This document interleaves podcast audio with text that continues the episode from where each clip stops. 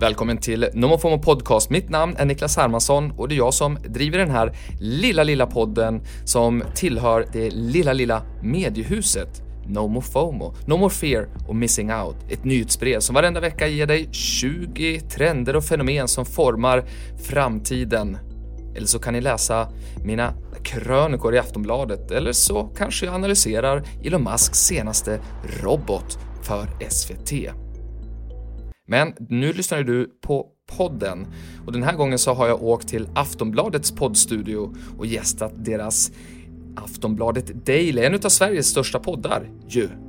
Och vad jag skulle göra och försökte göra, det var att förklara vad är det egentligen Apple har släppt? Alltså Apple Vision Pro, en dator som man sätter på ansiktet som ser ut som ett par skidglasögon och just nu så går massor med zombies runt på Manhattan. Det ser ut som en apokalyps.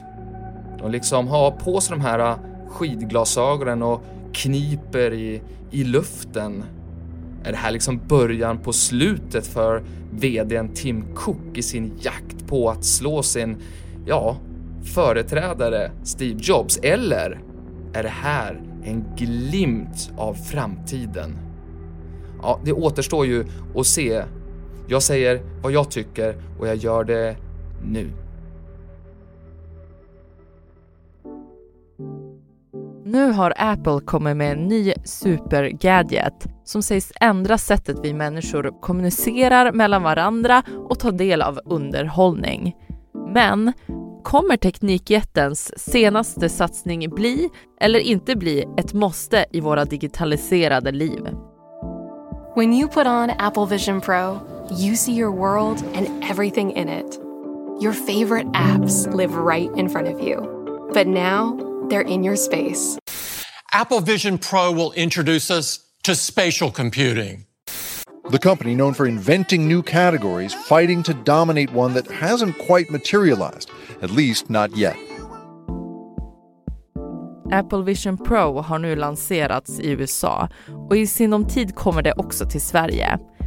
Det finns starka visioner kring det här headsetet som egentligen ser ut som ett par stora skidglasögon hämtade från framtiden.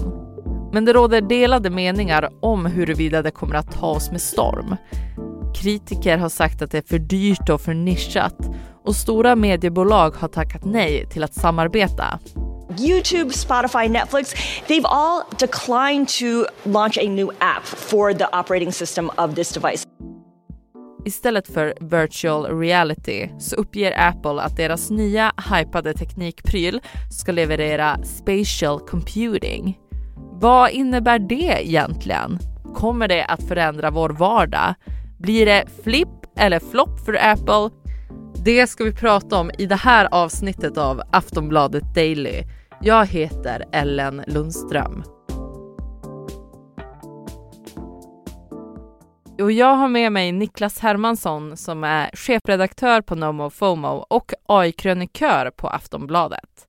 Niklas, vad är det här för någonting? Ja, men det enkla svaret här är ju att Apple har släppt ett superdyrt mixed reality headset och det här headsetet lägger då digitala lager på din verklighet.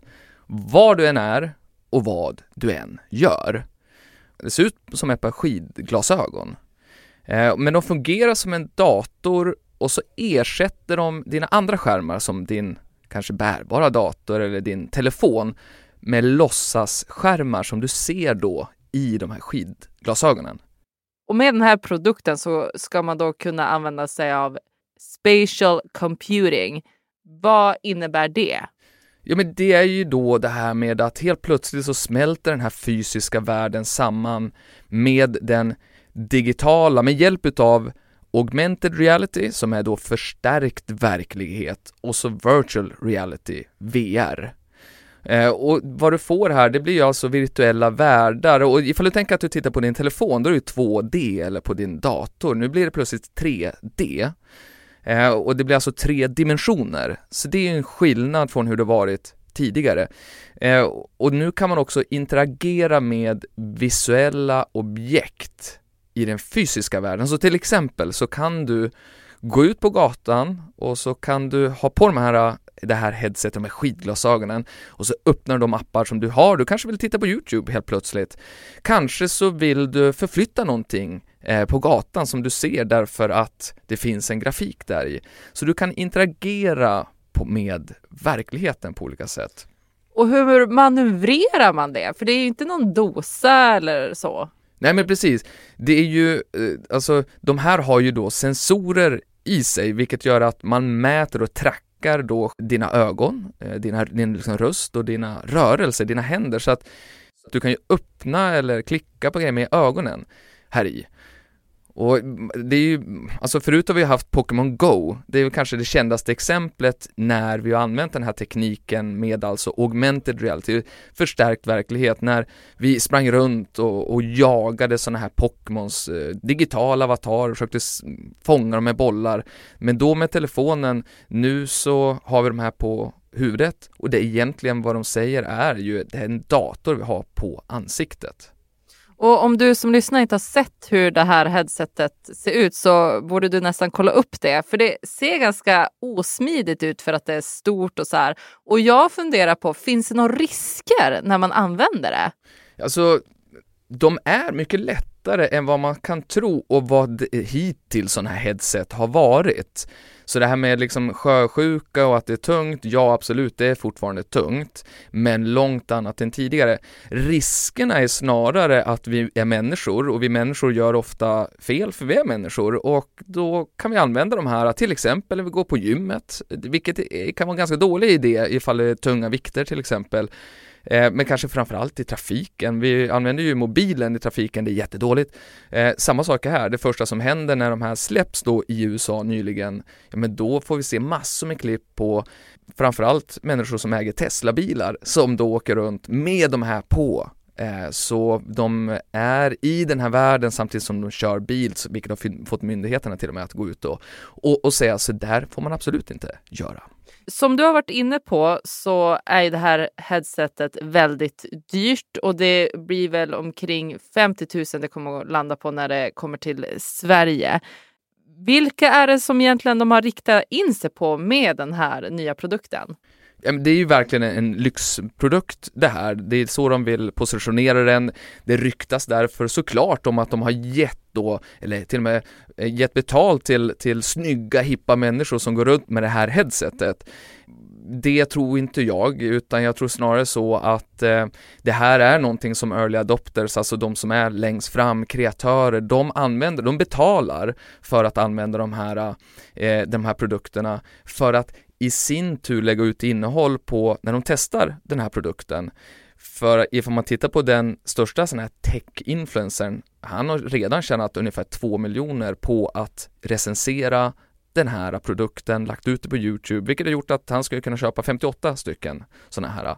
Eh, så de har gett sig an de liksom rika tech-influencers och eh, Apple är ju sex, alltså så är det, de, de, de anspelar på att, eh, att man, man attraktion. Eh, och eh, nu skrattas det dock mycket åt de här headseten, de har ju blivit memes, men i och med det är ofta så med sådana här paradigmskiften, alltså man skrattar åt det från början, sen så blir det liksom normaliseras det och till slut så måste vi alla ha det för annars är det vi som är konstiga så kommer Apples nya underhållningsheadset bli en framgångssaga, eller inte. Häng kvar så kommer du få höra mer om det. Niklas, det här headsetet har ju redan lanserats i USA. Hur har det mottagits? Alla tycker någonting om det här kan vi säga. Både att det är himmel och helvete. Alltså, nästan alla tycker att skärmen och liksom det man kan se, till exempel video, det är helt otroligt. Man har aldrig varit med om någonting liknande. Det är liksom helt revolutionerande. Sen så har det också själva allt, den här prylen kan liksom följa och tracka dina hur dina ögon rör sig och händerna, hur det sitter ihop och hur hela den här produkten sitter ihop med Apples ekosystem med, med telefon och dator och så. Um, och sen så är den väldigt rolig att använda. Det är plussen.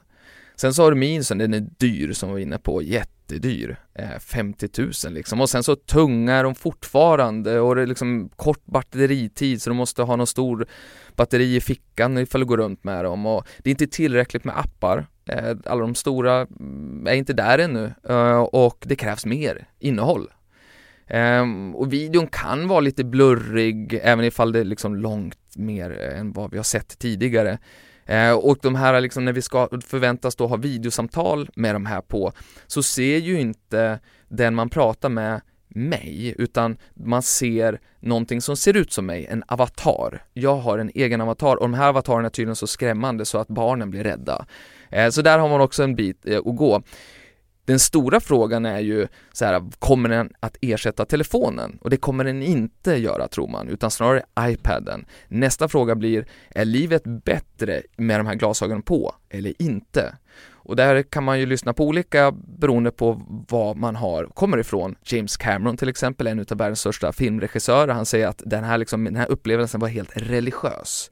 Men det är också därför att den här positionerar sig som den ultimata nöjes eller underhållningsprylen. Det är liksom där vi kommer vara.